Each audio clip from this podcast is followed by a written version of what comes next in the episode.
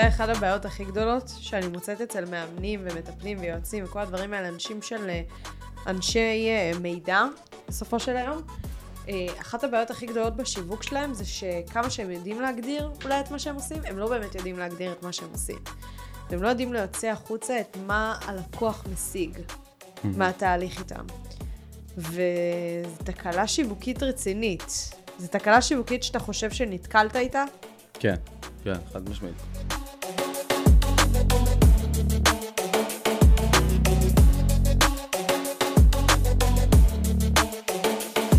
אוקיי, אז תגיד, התחלנו. שלום וברוכים הבאים לשי דורפמן. שלום, שלום. יאללה, אז עוד פרק אה, בפודקאסט שלי, חמש דקות של תהילה בביזנס, ועכשיו זה יהיה חמש דקות של אה, שי בביזנס. הופה. כן, זה באמת חמש דקות. שי דורפמן, ספר לנו עליך, מה אתה עושה? אני אה, בהגדרה מטפל, זה, זה העיסוק שלי. זה מילים שלקח לי זמן להגיד אותם בפני עצמם, כאילו להגיד אני מטפל. הייתי משתמש במונחים שאני מנחה, מלווה, יועץ, אלף ואחת הגדרות, אבל לא, אני מטפל, זה מה שאני עושה, אני עוזר לאנשים שסובלים וחווים חרדה חברתית, אנשים שקשה להם באינטראקציות חברתיות, לייצר את זה בצורה יותר קלילה, יותר זורמת, נינוחה, ובתכלס, להיפטר מהחרדה החברתית, לא צריך לחיות איתה. זה, זה המיתוס שאני מנסה כמה שיותר לשבור, קשה לשבור החוצה. אותו, ולצעוק אותו החוצה. צועק אותו בכל מיני דרכים. אנשים, חלק מקשיבים, חלק לא, אבל uh, זה מה שאני עושה. שמקשיב חי, ומי שלא סובל. המון, המון, והאמת שזה חבל, כאילו, זה... אני, אני, אני סבלתי מזה הרבה מאוד שנים. רגע, שנייה, לפני שאתה מספר על זה, כי אני רוצה לשמוע את זה. כן. מה זה חרדה חברתית? חרדה חברתית בגדול, בתיאור הכללי שלה, אה, זה הפרעת חרדה, זאת אומרת, זה אנשים שסובלים מחרדה כללית. בכל מיני סיטואציות, הם יכולים לכבוד חרדה בבית, אה, בחוץ, באינטראקציות חברתיות. אה, מה זה אומר לכבוד חרדה? זה אומר שקודם כל יש דפיקות לב מועצות, זה הסימפטומים השגרתיים. זיעה בגוף, כל מיני מחשבות טורדניות שמתלוות לתוך זה, איך אני נראה, איך מסתכלים עליי. איפה זה פוגש אותם? תן לי זה- סיטואציה, תאר לי סיטואציה חברתית כזו לדוגמה. בן אדם מגיע לקבוצה, אני אגיד, כי יש, יש הרבה קיצונים של הדבר הזה, זאת אומרת, כאילו זה סקאלה. Mm-hmm. ואנשים נמצאים על הסקאלה הזאת, וזה לא בהכרח, כאילו הרבה כששומעים חרדה חברתית, הם שומעים, הם נזכרים בבן אדם הזה שישב בסוף הכיתה, לא הוציא הגה מהפה, לא השתתף בפעילויות החברתיות, ולא יצא מהכיתה רוב הפעמים בהפסקות. זה מה שאנשים בדרך כלל מדמיינים לעצמם בראש, כשהם שומעים את המושג הזה. בפועל זה סקאלה, זה בן אדם יכול להיות בציר, יש לו מלא חברים, הוא נמצא בסביבה חברתית כלשהי, יוצא לעבודה, יוצא לעבוד, אבל בתוך המקומות האלה הוא לא מצליח להגיד את מה שהוא באמת רוצה. הוא בדרך כלל מדבר במשפט או מילה. כששואלים אותו מה שלומך, הוא בדרך כלל מגיב בצורה מאוד מאוד כזאת, בסדר, הכל טוב, מאוד בקצר. אמ, ובדרך כלל הוא גם נמנע מהמפגשים החברתיים היותר הומים. זאת אומרת, הוא לא מגיע למפגשי חברה, מפגשי עבודה, כל מיני דברים כאלה. אמ, ובפנים, הוא מת לדבר, הוא מת להגיד את מה שהוא רוצה, יש לו המון מה להגיד, הוא גם קולט בדרך כלל רוב האנשים שחווים חרדה חברתית, יש להם אינטליגנציה רגשית מאוד גבוהה, והבנה חברתית הרבה יותר גבוהה מהרבה אנשים אחרים, שאין להם את זה. כי הם בדרך כלל יושבים בצד, מסתכלים על כולם, לומדים את ההתנהגויות שלהם, רואים ממש את המימיקות הכי קטנות כדי להיזהר. שוב, הסיבה היא שפיתחו את האסטרטגיה הזאת של לראות בן אדם ואיך הוא מגיב, זה כדי שהם יוכלו להימנע מלהעליב מישהו או לפגוע במישהו. או... זאת אומרת, מה שאתה אומר פה זה שאנשים שחווים חרדה חברתית, מפתחים אינטליגנציה רגשית מאוד מאוד מאוד מאוד גבוהה. על המימיקות הקטנות, הם יודעים לקרוא שפת גוף. בצורה מטורפת, זה מה שאני ידעתי לעשות. אה, הקטע המצחיק שיש לי מטופלת שאמרה לי, אה, שחברה שלה אמרה לה, שהיא כזה אוספת את כל הפצועים, כאילו היא, היא רואה את כל הפצועים. עכשיו, בהגדרה זה נשמע מצחיק, כאילו פצועים וכזה, אבל uh, היא באמת, כאילו, יש לה, היא נכנעה ב, ביכולת הזאת לראות מבעד לעטיפה, שרובנו הולכים איתה. כאילו, בסוף אנחנו כן. לובשים איזושהי דמות. Um, ובן אדם שסובל מחרדה חברתית, הוא רואה מבעד לדמות הזאת בדרך כלל. הוא פשוט מנסה להיזהר, הוא הולך על טיפות כזה, אה, מנסה להיזהר מכל מילה שיוצאת לו מהפה. איזה אה, קול מרגיע יש. לך. אתה צריך לעשות מדיטציה בפודקאסט. כן, אמרו לי את זה הרבה. אתה חייב לעשות דמיון מודרך. דמיון מודרך וכאלו. כן, אתם נושמים עכשיו רגוע וטוב. עשיתי את זה בקורס הדיגיטלי שלי. חברים, הקורס הדיגיטלי שלו. תן משפט, מה זה הקורס? משפט אבל. משפט. קורס שעוזר לאנשים שסובלים מביישנות, לפרוץ את הביישנות הזאת, להתחיל לתקשר עם אנשים בצורה קלילה, זורמת יותר, להבין אנשים יותר מגניב. טוב, ואת עצמם יותר טוב. אהבתי. כן. חזק. אוקיי, תקשיב רגע, שי. חרדה חברתית, חרדה חברתית, הכל טוב ויפה. בוא תספר לי איפה בעל עסק נפגש באיזושהי חרדה חברתית. וואי, וואי, וואי. עשי לי צמרמורת. כן, זה פגש אותי. אה, קודם כל, בוא נתחיל מ... בא בהפוכה. כן, בוא נתחיל מלשווק, כאילו, ברמה הכי בסיסית. להגיד, היי, מה נשמע? קוראים לי ככה, ואני עושה את זה. אה, זה הדבר שבא לי הכי קשה. אמרתי בהתחלה שהיה לי קשה לקרוא לעצמי מטפל, כי הרגשתי מתחזה, כאילו אנשים מגיעים אליי לקליניקה, או אם יגיעו בכלל, ואני צריך לפתור להם בעיה. אין מצב, קודם כל לפגוש אנשים, כאילו זה בפני עצמו כבר אתגר, אבל להוציא את זה החוצה אה, ברשתות חברתיות, לדבר על זה, להוציא, לא יודע, סרטון או משהו בסגנון הזה, זה חתיכת אתגר. קודם כל, הביקורת, השפיטה של האנשים שקרובים אליך, אה, כאילו זה משהו שמאתגר אותך וגורם לך להרגיש כאילו, לחשוש מזה. שפתאום אנשים שמכירים אותך יגידו, כאילו, אמרו לי, פעם אחת שמעתי איזה משפט כמה פעמים, מה הוא נהיה לי איזה מנטור, אה, שי הזה, כזה. אז זה היה חשש מאוד גדול בשבילי. זה היה כאילו, מסביבה שמכירה אותך, כן, מסביבה כן. שלא מכירה. זה הבעיה. שמכירה אותי. שם זה הבעיה. כי זה- התדמית ש- שלהם נפרצת עליך. התדמית שלהם נפרצת, הם כאילו, מכירים אותי, כאילו, הרי כשבן אדם חווה איזושהי חרדה חברתית בצורה כזו או אחרת, אז הוא מתויג בצורה כזו או אחרת, הוא מתויג כהילד היותר, הבן אדם היותר שקט, המופנם, מופנם. כן, אה, כאילו, מה פתאום הוא מעלה סרטונים ומדבר עם אנשים על איך לשנות את החיים שלהם. ואז פתאום כאילו הדמות הזאת היא נפרצת, והיה לי את הפחד הזה שפתאום אנשים שהם מהסביבה שלי יגידו כאילו, מה פתאום, מה הוא מסתלבט, מה הוא נהיה דפוק, אני בא משכונה כזאת של כאילו, זה כל המילים היפות. נהיה איזה דרביוב כזה שמוציא סרטונים, כאילו. כן, אני חצי רוסי, אז אה, קחו בחשבון. ואז אה, שמעתי כל מיני כזה, מה הוא נהיה מנטור, מה הוא נהיה זה. לקח לי איזה שנה בערך להעלות את הסרטון הראשון שלי. וזה היה בשתיים בלילה, אני יושב עם חבר בים, ואני אומר לו, טוב, כאילו, fuck, אני חייב לעשות את זה, אני הולך להפיץ את הסרטון, כאילו, מה שלא יהיה. ואני יושב עם המצלמה שלו, כאילו, מצלם, ועומד ואומר, טוב, אני חייב להוציא את הסרטון הזה, אני פה יושב בשתיים בלילה, אין משהו יותר טוב לעשות, הגיע הזמן, וככה משגר את זה. וככה זה נראה כאילו בחיים העסקיים שלי במשך הרבה מאוד שנים, זה היה כאילו שגר ושכח, אני לא רוצה לראות את זה, אני לא רוצה לשמוע את עצמי מדבר, אני לא רוצה, לשמוע את, אני לא רוצה לראות את הפרצוף שלי מדבר, כי הוא פשוט משגר את זה ולא מסתכל על זה יותר. ו...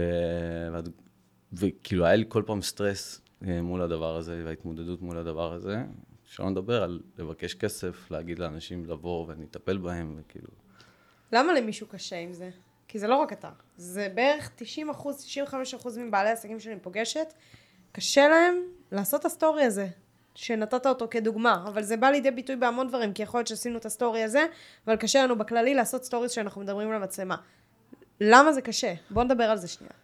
אני חושב שמה שבאמת קשה כאן, זה לא מה שאנשים אחרים יגידו, זה הדמות שלך, שאתה מספר לעצמך כל השנים האלה, של מי אתה ומה אתה, ו- וכל הסיפורים, סיפורי לילה ואלה שאתה רגיל לספר לעצמך ועל עצמך. אה, קשה להתמודד עם זה, קשה להתמודד עם המצב הזה שכאילו אתה אומר, טוב, אני בן אדם חדש, כאילו אני, אני יכול לעשות את זה. להכיל את זה בעצמך שאתה את בן אדם כן, אחר. שאני בן אדם אחר, שאני אשכרה מוציא סרטונים, שאני אשכרה מדבר, שאני אשכרה מוציא את הקול שלי החוצה. ו... וקשה, כאילו, זה, זה, אתה רגיל למשהו, והמוח שלנו לא אוהב שינויים, אה, הוא לא אוהב לזוז מהמקום באמת, וכל שינוי הוא כאילו פתאום איזה משהו מאוד מאוד אה, קשוח כזה, או מאוד אה, מאתגר את המצב שאתה נמצא בו היום, ומבחינת המוח שלנו זה מסוכן, זה כאילו משהו חד משמעית יכול להרוס לנו את החיים, כאילו משהו יקרה.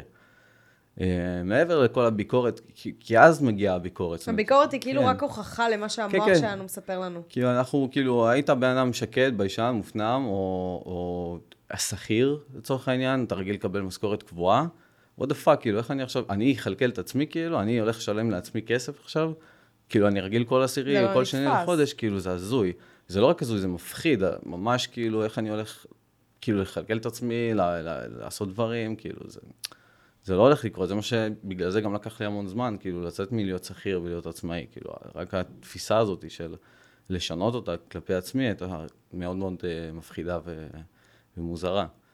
אז אני חושב שזו הייתה אחת הסיבות, כאילו, לצלם את הסטורי זה כאילו האקט עצמו, זה הפעולה שיוצאת כאילו כן. אחר כך. אבל... זה מתבטא בהמון דברים. כן, וזה אקט שיכול לעזור לך לשנות את התפיסה הזאת לגבי עצמך, כי אתה פתאום מוכיח לעצמך, אוקיי, אני מסוגל לעשות את זה, אני יכול לעשות את זה, אבל זה לא מספיק. זה לא, זה לא אקט שהוא מספיק לשנות את הדברים שיושבים מבפנים, את כל הדברים שסיפרת על עצמך כל הזמן הזה. אתה יודע, אחד הדברים שאני תמיד אומרת לבעלי עסקים שמגיעים אליי ומשתפים איתי את החשש הזה, ספציפית הזה, אחד הדברים שאני תמיד אומרת להם לעשות שיכול לשנות את כל התמונה הזאת ב-180 מעלות, וגם בתוצאה, זה כשאתם מעלים את הסטורי הראשון הזה, שאתם באים ומדברים ורוצים ועושים, פשוט תוסיפו משפט לפני כן בכנות קיצונית, של, תקשיבו, זה סטורי ראשון, שאני באה ומדברת מול המצלמה, ומשתפת רגע מי אני, וזה קשוח לי, כי אנשים מכירים, מכירים אותי כ-X, ועכשיו אני פשוט X פלוס Y, שלא לא ראו דווקא את הצד הזה בי, אה, וגם לי זה חדש. אז אה, יאללה, תתמכו בי, ובא לי לספר לכם שנעים מאוד, אני תהילה, ואני עושה ככה וככה, ובום. ברגע שאתם עושים את הדבר הזה, התמונה משתנה. פתאום יש את האנשים שמפרגנים. ויש המון כאלה, במיוחד אגב בישראל, כמה שאומרים שזה זה. בישראל מאוד, בסופו של היום אנחנו עם חם. וכשאנחנו פותחים דבר כזה, יש המון אנשים מספיק חמים ומספיק אוהבים, שכאילו דופקים את ההודעות האלה, כל הכבוד לך, ואיזה כיף, ווואו, גם אני רציתי לעשות את זה, ונתת לי השראה עכשיו, ואת ממש אמיצה, כאלו. וזה קורה, וזה, ואני מוכיחה את זה אחד אחרי השני, שזה באמת קורה. זה נטו להוסיף את המשפט הזה. ופתאום לצד כל התגובות של המשפחה והסביבה הקרובה וכאלה שבאמת לא מכירים אותנו ככה, וזה לגיטימי, וזה בסדר, שיגיבו ככה. אפשר גם לצחוק על זה, אני הגבתי לזה בהומור עצמי, כאילו, זה היה קשה בהתחלה, אין מה לעשות. הגבתי לזה בהומור עצמי, לצד כל זה לקבל את כל ההודעות התומכות, זה משנה את התמונה לחלוטין. אז אצלי התקמצנו, אני לא יודע מה חווית, התקמצנו על ההודעות. לא, האמת שהקטע הוא זה שמה שאמרת, כאילו, זה להוסיף את הכנות הקיצונית. אגב, זה טיפ מעולה, כאילו, למי ש... נגיד, אה, לחוץ באינטראקציה חברתית, אז להגיד את זה. כאילו, ממש להגיד, אני לחוץ, אני מתרגש, לחשוף את זה החוצה. וברגע שאגב, אתה חושף את הדבר הזה החוצה, אתה כבר לא מתעסק איתו. נכון. כי פשוט בחוץ, ואין יותר, כאילו, מה... אם יגידו ככה או לא יגידו ככה, כאילו, כן. אתה מחפש להסתיר את זה, כי זה כבר לא בחוץ. כן, וההסתרה, אגב, מעוררת יותר חרדה. נכון. כשזה בחוץ, אז זה בחוץ. אבל יש עוד, כאילו, קטע שאני השתמשתי בו, לפחות זה הוא gives a fuck, כאילו, כשעליתי את ה... העליתי את הסטורי הראשון, כאילו, זה צרצרים, ולא רק את הסטורי הראשון, שני, שלישי, רביעי, כאילו. Fuck, אף אחד לא מגיב, אף אחד לא מדבר על זה, כאילו, זה, זה לא איזה משהו יותר מדי... אה, זה, התחילו כזה ניצנים מהמשפחה, מהזה, אבל כאילו, לא איזה משהו יותר מדי גדול. ואיך הרגשת, ו... אגב? מתי זה היה? אפשר לשאול? זה היה לפני... אני חושב שהפוסט הראשון שהעליתי, לדעתי, זה גם היה בפייסבוק, זה בכלל לא היה באינסטגרם. זה היה לפני חמש שנים, משהו כזה, ארבע וחצי שנים. חמש שנים, ואיך הרגשת עם זה שלא מגיבים לך? התבאסתי. כאילו, כי היה לי מצד אחד את הפחד הזה של כאילו מה יגיבו, מה יגידו וזה, ומצד שני גם, את יודעת, אתה רוצה לקבל איזשהו אה, אישור כלשהו, שכאילו, אוקיי, אתה בדרך הנכונה, אתה בזה, אבל כאילו, לא באמת תמכו בזה יותר מדי גם. המשפחה שלי, כאילו, מה, מה, מטפל, כאילו, לך תלמד פסיכולוגיה, ואז כאילו, כאילו, זה כזה, כי אבא שלי עד היום דופק לי, לך תעשה טול, טול, כאילו, דופק לי כן, במבטא כן. רוסי. אבל... אה, אה, מצחיק. אבל uh, כאילו לא הייתה יותר מדי הבנה כאילו של מה זה בכלל, מה אני עושה. וגם אני לא הבנתי, לא, לא ידעתי, אני מטפל בחרדה חברתית, זה בכלל לא היה ב... זה לא בלקסיקון לא, של הרבה לא מהאנשים. לא היה לי בלקסיקון. להגיד דבר כזה. כן, גם לא היה לי בלקסיקון. אני מטפל בחרדה חברתית, ספציפית. נכון, גם, וגם לי לא הייתה לי, כאילו, את המשגה הזאת בכלל, לא הבנתי מה, כאילו, זאת אמרתי, את יודעת, סיימתי לימודי NLP, עוזר לאנשים אה, מנטלית, כאילו, מה, what the fuck, מה זה אומר, אני לא יודע, אבל כאילו, זה מה שאני עושה. מה אני עושה את זה? וקיבצתי כזה מתאמנים, כזה מפה, מחבר שמביא את הזה, וכאילו, כזה. חבר שטיפלתי אותו. אני מדמיינת אותך יושב כזה עם כוס, רוצה להתאמן אצלי? כן, כן, נשבע, יושב אצל חבר, הוא פתאום מסביר לי איזה בעיה שיש לו, הוא אומר לו, יאללה, בוא לקליניקה, אני אעשה לך איזה כישופים, כל מיני דברים כאלה, שיעבוד לך על המוח וזה, וכאילו, זה הייתה ההתחלה, גם זה התחיל מספסל בפארק. אתה יודע, אחת הבעיות הכי גדולות שאני מוצאת אצל מאמנים ומטפלים ויועצים וכל הדברים האלה, אנשים של, אנשי אה, מידע, בסופו של היום. אה, אחת הבעיות הכי גדולות בשיווק שלהם זה שכמה שהם יודעים להגדיר אולי את מה שהם עושים, הם לא באמת יודעים להגדיר את מה שהם עושים. והם לא יודעים להוציא החוצה את מה הלקוח משיג mm-hmm. מהתהליך איתם. וזו תקלה שיווקית רצינית. זו תקלה שיווקית שאתה חושב שנתקלת איתה? כן, כן, חד משמעית. קודם כל לא ידעתי, שוב, אני...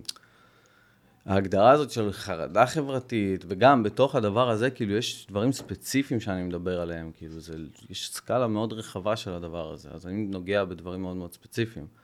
אבל uh, לקח לי מלא זמן, כאילו, ואני חושב שעד היום אני מחדד באמת ומדייק כל הזמן, כל הזמן כאילו, שכל טלפון שאני עושה עם אדם שמתקשר אליי, כל טיפול שאני מעביר בן אדם, כל תהליך ליווי, אני גם מבין את ה mindset שחשוב להגיע איתו גם לתהליכים, כאילו, זה... זה המון דברים שמתחדדים עם הדרך. אני חושב שהפחד הכי גדול, שהיה לי בהתחלה, זה לטעות, לטעות ב, ב, כאילו, בניתוח של הבעיה של הבן אדם שמגיע אליי, או בשיווק של זה, או אני מספר על משהו אחד ספציפי, וזה לא קשור בכלל למה שחווים. וגם בגלל זה היו צרצרים, כי, כי אף אחד לא הבין מה אני עושה. כי זה אף פעם לא היה מספיק מדויק. כן, אני אומר, מטפל NLP שעוזר לאנשים כאילו, מה, אם... זאת בדיוק לא הבעיה. לא יודע מה, כאילו, זה היה לי המון כזה מטפל NLP, זה, זה כזה, כאילו. וגם אני חושב שהרבה מטפלים ומאמנים מתמודדים עם זה, אני התמודדתי עם זה לפחות ברמה האישית, זה שלא הבנתי גם, כאילו, מה אני עושה כאן? כאילו, למה, למה בכלל אני עושה את הדבר הזה? מספרים להם כל ה-find your why כזה, תתחיל עם הלמה וכל ה, כל הדיבורים האלה, אבל באמת, כאילו, לא הבנתי למה אני בכלל יושב על הכיסא של המטפל ומצאתי את עצמי שם, אני בכלל הלכתי לעבוד על עצמי, כאילו, להשתחרר מה... יום אחד קמתי ואני על הכיסא, לא יודע מה... נשבע איך זה היה ב-NLP, כאילו, שכאילו, כל מי שלומד אימון, קואוצ'ינג, זה זה, כאילו, הדרך שלו, כאילו, זה, זה הדרך. סלולה. כן, כן, כאילו, זה, אתה יושב בכיסא של הקליניקה, יש חלק שממנפים את זה להרצאות וכל מיני דברים כאלה, אבל אתה הולך לקליניקה וזה מה שאתה עושה. ופשוט אה, עשיתי את זה, כאילו, לא, לא, לא שאלתי את עצמי למה, כאילו, זה פשוט הדבר היחיד שאני יודע כרגע לעשות. זה מה שידעת, זה מה שהסבירו לך. וזה במקום ללכת לעשות תואר בהנדסת תוכנה, ששנייה, עוד שנייה התחלתי, כאילו, זה בכלל, כאילו. יואו, כן. מטורף. כן, זה, זה... למה לא התחלת? כי אני יושב שם בכיסא של ה... במכינה, ואני כאילו לא, כאילו, טוב, מה אני עושה כאן, כאילו, זה, לא, לא מבין. אני אגב מאוד חרד, כאילו, לשאול שאלות ולהבין מה העניינים. אבל מעבר לזה, פשוט לא הבנתי למה אני כאן, כאילו זה, זה כאילו היה לי איזה פתאום ניפוץ כזה של כאילו, אוקיי, זה, זה, זה ההורים שלי רוצים שאני אהיה כאן, זה לא אני רוצה להיות כאן, ולמזלי, אמא שלי תומכת בי בקטע הזה ממש, כאילו, היא פשוט תעשה מה שאתה רוצה, כאילו... וואו. אה, לא, כן, אין לה, אין לה את הקטע הזה של למה הלכת לזה, זה, כאילו, יש להם כל מיני, את אה, דברים כאלה של מתמטיקה, תלמד וזה, אבל אה, הם לא... איך מצאת את עצמך? הם לא שמים רגליים. סליחה. איך מצאת את עצמך אז בשינוי? למה דווקא הלכת עוד NLP? אני התמודדתי עם המון חרדות, ולא ידעתי לקרוא לזה אגב חרדה חברתית אז, באותה תקופה. ידעתי שיש לי חוסר ביטחון, אני ביישן, זה המסרים שקיבלתי כל החיים, שקט יותר וכאלה. אבל כל פעם שאני נמצא ליד אנשים, אני בסטרס, אני לא מסוגל לדבר, להציג את עצמי, לגשת לאנשים, כאילו, זה, אני כל הזמן מוצא את עצמי לבד. ובמכינה הזאת שדיברתי עליה עכשיו, זה כאילו כבר שרף לי, כאילו כבר לא... הגיע לשיא. כן, זה כבר כאילו, די, כאילו, מה, מה נדפק איתך? וקניתי איזה קורס כזה של uh, סניה וולדברג, אם חלק מכירים, וכזה של איך uh, לדבר עם אנשים ועם נשים וכזה. והיה שם NLP, ואיך שהוא הציג את הדברים האלה, כאילו, שמדברים עליהם, אז כאילו זה כזה, אוקיי, כאילו יש פה משהו, אני מבין כאילו קצת יותר על מה עובר לי בראש ומה עובר לאנשים בראש וכזה. והלכתי ללמוד, ואני זוכר שאפילו לא הצלחתי לעשות את הארבע שיעורים הראשונים של הקורס, כאילו פשוט כל שנייה אני יושב כזה על הכיסא, לא רואים אותי פה, אבל פשוט יושב, מחזיק את הידיעות של הכיסא, כאילו אני מרותק, כאילו אני קפוא במקום, אני לא מסוגל לזוז, לא מסוגל לדבר, לא מסוגל לזה, אנשים יוצאים להפסקות, הולכים, זה כמו סרט נע כזה. יואו. כאילו אנשים הולכים, חוזרים, הולכים, חוזרים, ואני פשוט בכיסא, ככה מרותק. הבנתי שאחרי ארבע שיעורים אין מצב, אני ממשיך להגיע לכאן, יואו. בחרדות מטורפות. ושנה אחרי זה, מה שמצחיק זה שגיליתי, כי אתה יכול לחזור לקורס כל הזמן, אז שנה אחרי זה גיליתי שיש בכלל קורס בחיפה, והייתי סתם נוסע לתל אביב. יואו. כן. ואז אמרתי, טוב, די, כאילו, אני, אני חייב לעשות את זה, אני הולך לעשות את זה אחרי שנה. נרשמתי שוב כאילו לקורס, ו- ופשוט אמרתי... ועשית את זה. כן, ופשוט אמרתי, כאילו, אני לא יוצא מפה, אני, לא, אני מת, אבל אני לא יוצא מפה, כאילו, אני מבין מה קורה לי. ובאותה תקופה גם היה שם איזה בחור שטיפל בעצמו דרך השיטה, פחד קהל, כזה חרדת קהל. והוא המליץ על המטפלת שלו, והלכתי אליה. והבנתי שרק ללמוד את זה ולהבין את הדברים שקורים במוח, זה לא מספיק. זה, זה לא מספיק, כאילו, אני באמת חייב לעבוד על עצמי, לעבור את ש... התהליך בעצמך. וזה היה שנה מטלטלת בטירוף, כאילו, זה כזה נפילה פה, וניסוי וטעייה, ו- וללכת לעבוד במכירות, וללכת לעשות כל מיני דברים כדי לשפר את זה ול- ולדבר עם אנשים, כאילו, הוצאתי את עצמי בכוח, לעשות את הדברים, עוד לפני זה עשיתי את זה, אבל עכשיו עם הכלים, אז עשיתי את זה יותר פשוט. ו... מה נתן לך את האנרגיות להמשיך להילחם בזה? כי זה לא דבר אמרתי- פשוט. פשוט אמרתי, אני, אני, לא, אני לא יכול, אני לא, לא מסוגל, אני רואה אנשים כאילו נמצאים בסיטואציה כזאת, הם פשוט ניגשים לאנשים, וזה היה כאילו הזוי. אני, היום יש הרבה מאוד הגדרה כזאת של, יש כאלה שנולדו ככה, יש כאלה שככה, וזהו, כאילו, זה, that's it, כאילו. אתה עם חרדה חברתית, תלמד לחיות איתה. אני למזלי גם לא הייתה לי את ההמשגה הזאת של כאילו שיום לדבר הזה, חרדה חברתית, לא קראתי לעצמי בשם. כן, אמרתי, אני ביישן יותר, מופנם יותר, יושב בצד, כזה. אבל אמרתי, אין מצב, כאילו, אני, כאילו, אני לא יכול להישאר ככה. זה, זה היה לי, כאילו, הזוי. ו... והכרחתי את עצמי, כאילו, כל הזמן ללכת, לעבוד בשירות לקוחות, במכירות, בכל דבר אפשרי, רק כאילו, לצאת, לצאת מזה. להעלות את הביטחון העצמי, להעלות את כל הדברים האלה. הייתי חייב. זה פשוט לא היה ברירה אחרת. שי, אני מחזירה אותך. אמרת שישבת על כיסא המטפלים. תספר לי קצת על השי הזה, בתחילת הדרך שלו, או לקראת אמצע הדרך. מה, מה קורה שם? מה המודל העסקי? איך העסק שלך נראה? איך אתה נראה בתוך העסק? מה? תספר לי קצת. אם אני נכנס לנעליים של אותו בן אדם, אני לא יודע מה זה בכלל אומר מודל עסקי. יואו. מה זה בכלל עסקי. כאילו, לא, לא היה לי גם את ה... גם יש לך כזה, כמטפל, יש לך איזה, איזה מין כזה היי גול כזה של כאילו, אני עוזר לאנשים, כזה, זה לא כן, עסקי. השליחות, השליחות. זה שליחות, אני מחפש את השליחות כל הזמן. כאילו השליחות מתנגשת עם הכסף. כן, וגם, וגם כשישבתי בפעם הראשונה, אני זוכר שקיבלתי כסף, זה היה כשעשיתי כזה סטאז', יושב על ספסל באיזה פארק, מעביר אנשים תהליך שמה, ו... ואז מישהי פשוט המליצה לחברה שלה והיא באה, ואני תכננתי בכלל לעשות את זה בחינם. פתאום היא זאתי שאומרת, אני משלמת לך, אין מצב, אני משלמת לך 100 שקל. אמרתי לה, כן, את בטוח- את בטוחה? כזה. אמר לי, כן, כן, אין מצב בזה, אני משלם לך 100 שקל. אמרתי, טוב, זו הפעם הראשונה שנגעתי בכסף, ואשכרה קיבלתי תמורה על מה שאני עושה. זה היה כאילו סוג של אה, נדבה כזה, כי אני עושה לך כן. טובה. וככה הרגשתי, ככה הרגשתי במשך שנים, שכאילו אנשים עושים לי טובה, שהם משלמים לי כסף על מה שאני עושה. למה? קודם כל, כי לא הייתי בטוח באמת ב... בעצמי, ב... במה שאני נותן. אמ, וגם ראיתי תנודות בתהליכים, כאילו, אני רואה חלק מהאנשים כן, זה עוזר להם, חלק מהאנשים זה לא עוזר להם. שאתה עוד צריך להשתפשף.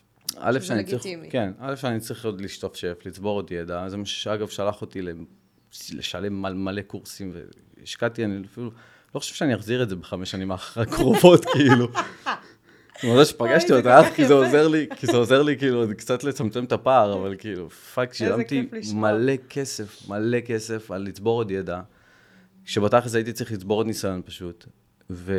אבל הרגשתי שאני פשוט לא מספיק יודע, לא מספיק מבין, לא מספיק אה, כזה, כאילו עכשיו בן אדם מגיע אליי עם חרדות, אבל פתאום הוא עבר איזה מקרה קשה מדי בחיים שלו, איזה אירוע טראומטי בצבא, או בילדות, או לא יודע מה, איך אני ניגש לדברים האלה, כאילו, לא נראה לי שאם אני מזיז לו את העיניים, כאילו עושה לו כזה, איזה שטות NLPיסטית כזאת, זה באמת יעזור. ובאמת ראיתי שיש אנשים שזה עוזר. זה משפיע. וזה משפיע, ויש אנשים שלא. ו- וזה כזה הכניס אותי כל הזמן לגלים. אה, זה עובד, יופי, סבבה, כאילו, אני מבקש ממנו יותר. והייתי אשכרה מבקש, כאילו, לא לגלות, אבל הייתי מבקש מחלק מהאנשים שהרגשתי איתם יותר בטוח, יותר כסף, והיה אנשים שלא הרגשתי איתם בטוח, הייתי מוריד, כאילו, בעצמי. לא לגלות, אבל חברים. כן, התחלתי את הטלפון כזה, מה קורה? זה עולה, כאילו, ספר לי את הבעיה רגע? אוקיי, זה עולה 150, כשבדרך כלל לוקח 250 כזה. וואו. וזה היה פשוט סיוט, ו- ובאמת היו מקרים שלא הצלחתי להתמודד איתם, ו- והייתי או שמפנה או שמתחזה, כאילו למבין ויודע, ויושב שם כי אני חייב להבין ולדעת. כשאתה אבל- מסתכל על הדרך הזאת אחורה, האם אתה אוהב אותה? האם אתה, אם, אם, אם היה לך את הבחירה, או אם היית צריך לעשות אותה שוב פעם, היית עושה אותה באותה דרך בדיוק? הרבה שקרנים יגידו לך שלא, שהדרך הזאת הובילה אותי בדיוק למקום, לא, זה נכון, זה נכון, זה מדויק. זה היה מדויק עבורי באותה תקופה, וזאת הדרך שהייתי כנראה בנשמה שחיה בי עכשיו. כן, אי אפשר לשנות, אבל אם יש לך עכשיו את הדרך ואת הבחירה. הייתי פשוט, אה, אני מבין היום דברים ש, שפשוט אז לא הבנתי. קודם כל, העסק, כאילו, זה עסק, ככל דבר, אני מתקיים ממנו. האנשים שבחיים שלי מתקיימים ממנו. אני מבין שיש לי אחריות גדולה. אה, לא רק על האנשים שמגיעים אליי לטיפול, אלא אנשים שזה, אבל דבר מאוד חשוב שהבנתי בזמן האחרון, ורק בזמן האחרון, תחשבי שזה חמש שנים של, ארבע וחצי שנים של כאילו, רק הבנתי את זה עכשיו, שגם בן אדם שמשלם יותר, הוא מחויב יותר, יש משהו ב mindset שלו שהוא אחרת. אני הבנתי את זה גם בתור בן אדם ששילם עכשיו על תהליך כמעט עשר אלף שקל, וגם אה, בתור בן אדם שמקבל את הכסף ומבין שכשבן אדם מגיע, הוא מגיע אחרת. משהו בחשיבה שלו משתנה, משהו בזה, וההצלחות הרבה יותר גדולות. אז זה, זה כזה פשוט מגדיל אותי ומגדיל את ההכנסה ומגדיל את הבן אדם עצמו. אני מבין את זה היום, אז לא הבנתי את זה. אז כל בן אדם הנחה, אה, פחות כסף, מסכן, כאילו, ככה הרגשתי גם לגבי עצמי. גם מסכן. בתור מטפל, אתה אומר, אנשים שמגיעים אליי הם כרגע התדמית, כאילו, הם מסכנים, הם לא יכולים, הם צריכים אותי בשביל שיהיה להם את היכולת בעתיד. בול, בול. אז, אז אוטומטית אתה אומר, לא, אני רוצה להנגיש את זה. אבל זה לא נכון. נכון? זה, זה לא, זה, בסוף זה לא עובד, אני מבין את כל אלה שחושבים... זה כאילו מובן. ש, כן, ש, כאילו שחושבים ככה ו, ו, וחשוב להם. ותאורטית, אני חושב שמהמקום הזה אתה הופך גם למטפל טוב יותר. זאת אומרת, זה שמבין שאם הוא היה יכול, הוא היה עושה את זה בחינם. כאילו, זאת אומרת, זה האנרגיה מהמקום הזה, מהמהות של מה שאתה עושה. הסיבה שדיברנו על הלמה, זה כאילו המהות של מה שאני עושה. אם הייתי יכול לחיות בעולם אוטופי, שאני לא צריך פה כסף, לא צריך לממן, לא צריך זה, וכולם נמצאים באישור קו הזה, הייתי עושה את זה גם ככה. פשוט אני נהנה מזה, אני אוהב את זה, וזה ועושה לי טוב. אבל בעולם, כמו שאנחנו חיים בו היום, כסף בכללי, יש לו, כאילו, זה, זה חתיכת אישו בפני עצמו. זה, שקשה זה, להרבה אנשים לדבר עליו. כן, כן, ולא רק למטפלים, באופן כללי, לא רק גם לבעלי עסקים, פשוט זה, זה משהו גלובלי כזה, ש, שכשאתה פוגש את הדבר הזה, זה כאילו מראה לכל השדים שיש בך בפנים, וזה מה שהיה אצלי. ו, ורק כשהתחלתי באמת, קודם כל לה, להאמין במה שאני עושה, שזה הדבר הראשון, וזה היה אחרי הרבה שנים של עבודה וניסיון ונפילות בדרך, רק אז באמת הצלחתי כאילו להבין מה החשיבות של הכסף בתוך הדבר הזה. אני גם לא אוכל למנף את זה, ולהעביר את זה להרבה יותר אנשים, אם אני לא ארוויח מזה הרבה יותר כסף. כי זה פשוט יהיה הדלק של הדבר הזה. בדיוק. זה מה שרציתי להגיד אחר כך, ואמרת את זה עכשיו. כן, לקחתי לך את המשפטת, את הסלוגן מהסרטון. בדיוק. אבל את יכולה להגיד את זה. בסופו, תודה רבה, אני מעריכה את האישור. בסופו של היום, ככל שאנחנו, אה, ככל שאנחנו ניתן יותר, אנחנו נקבל יותר. כשאנחנו מקבלים יותר, אנחנו יכולים להשקיע בזה יותר. כשאתה, וזה משהו שאני אומרת לכל האנשים ששליחות וכסף מתנגש להם, כשאתם מקבלים כסף על השליחות שלכם, זה מה שמאפשר לכם להשקיע יותר בשליחות שלכם וגם להשקיע יותר בעצמכם כדי שתוכלו יותר, לתת יותר לשליחות הזו. אתם צריכים אוכל מים, זה הצרכים הבסיסיים, אתם צריכים גם להשקיע בעצמכם. בידע שלכם, בהתפתחות האישית שלכם, בהתפתחות העסקית שלכם, כדי שתוכלו להרחיב את הפעילות שלכם ולתת מעצמכם יותר ליותר אנשים. אה, זה כאילו פי שתיים, כן, זה פי אתה, ארבע. אתה גם לא יכול, תחשבי על זה כאילו גם כמטפל, נגיד שנכנס לקליניקה, או כאיזה שנותן שירות, אתה לא יכול להיכנס עם סטרס של אין לך איך לשלם חשבון מים, או לשלם בול. חשבונות, כי אתה לא יכול להיות פולי קומיטד לבן אדם שנמצא מולך, לממש להיות מולו, ולהבין ולהקשיב ולהיות קשוב, כשאתה עוד שנייה כאילו יוצא מהדירה שלך, או חוזר להורים, או לא יודע, משהו שם במנגנון הישרדותי מאוד. אי אפשר לעזור לבן אדם בצורה הזאת, באמת. ואת זה לא הבנתי. לא, כאילו, אני נכנס עם סטרס, גם לא יודע אולי אם אני יכול לעזור או לא יכול לעזור, אבל גם אני לא יודע אם אני יכול כאילו לתחזק את הדבר הזה, mm-hmm. כאילו להיות אשכרה, כאילו לתחזק את הקליניקה, לשלם שכירות, לשלם, כאילו, זה מלא דברים כאלה. אז, אה, אז כל מי שיש לו התנגדות לקבל כסף על השליחות, זה באמת נכון, כאילו ש... בסוף, כאילו, ככל שאתה תרוויח יותר כסף על השליחות שאתה עושה, ככה יהיה לך יותר אפשרות גם למנף את זה וגם לעזור לבן אדם. ואני רק עכשיו, אני מדבר פה בביטחון, כאילו אני פיצחתי את השיטה, אבל בשיא הכנות, כאילו, זה רק עכשיו מתחיל לחלחל, ואני עוד לא, כאילו, באמת, בראש של זה, כאילו, זה... אני מתמוגגת מאושר כאן. זה כזה, בכנות קיצונית, כמו שאמרת, אהבתי את זה בשיחה הראשונה שלנו. אבל אה, כן, בכנות קיצונית, אני רק עכשיו, כאילו, איכשהו מתחיל להבין את זה. זה לא, כאילו, דופק פה נאמברים כאלה של... בתור שי, שבעצמו עבר את הדרך הזו, זה כל כך כיף ומרגש לראות את זה ולשמוע את זה, כי אתה באמת מבין את הערך של זה היום. כי היית במקום הקודם, ועכשיו אתה במקום אחר, שאתה מתחיל אותו עכשיו, אבל אתה עדיין, אתה, אתה כבר חווה אותו, הוא כבר קורה. כן. ואתה מרגיש מה זה עושה, ואיזה כלים זה נותח, נותן לך, ואיך זה פותח אותך, לתת יותר, לעזור יותר, להתפתח יותר, אה, וגם להיות יותר שקט, וכשאתה שקט יותר, אז אתה מתעסק בתכלס, בלתת יותר, מאשר ב, רגע, אבל אני גם בסטרס פה וגם בסטרס, יש לך את המקום הזה. לגמרי. אה, אז זה כיף ומרגש. שי, אני יכולה לשאול איפה היית לפני שנה? את יכולה לשאול. אני לא בטוח יענה. היי. בכנות. סתם, לפני שנה, קודם כל עדיין עבדתי כשכיר. אה, וואו, זה לא ידעתי. כן. אה, עזבתי את העבודה ביוני, ב-20 ביוני. זו הייתה המשמרת האחרונה שלי, עבדתי בתור uh, סוג של סוכן מכירות, נקרא לזה, שטח, בעמותת עזר מציון. פשוט הייתי דור טו דור דופק לאנשים בדלתות ומגייס מהם כסף. ועם כל מה שבא עם זה, מלא קללות וצרחות, ואין לי כסף. אגב, פה גם פגשתי את המסכנות, כי פה נגיד פגש מלא אנשים מכל הארץ, ואני פשוט רואה סיפורים כבדים, קשים, בן אדם גר בווילה מפוארת עם מלא מכוניות, אין לי כסף, במינוס עניינים, כאילו זה, זה כאילו מה שגם דפק לי את השכל, כאילו היה לי הזוי, ופגשתי מלא מלא אנשים. ותוך כדי, אני כאילו מדשדש עם הקליניקה, פעם יש לי מטופל אחד, פעם שתיים, פעם אפס, פעם חצי שנה בלי כלום, פעם כאילו...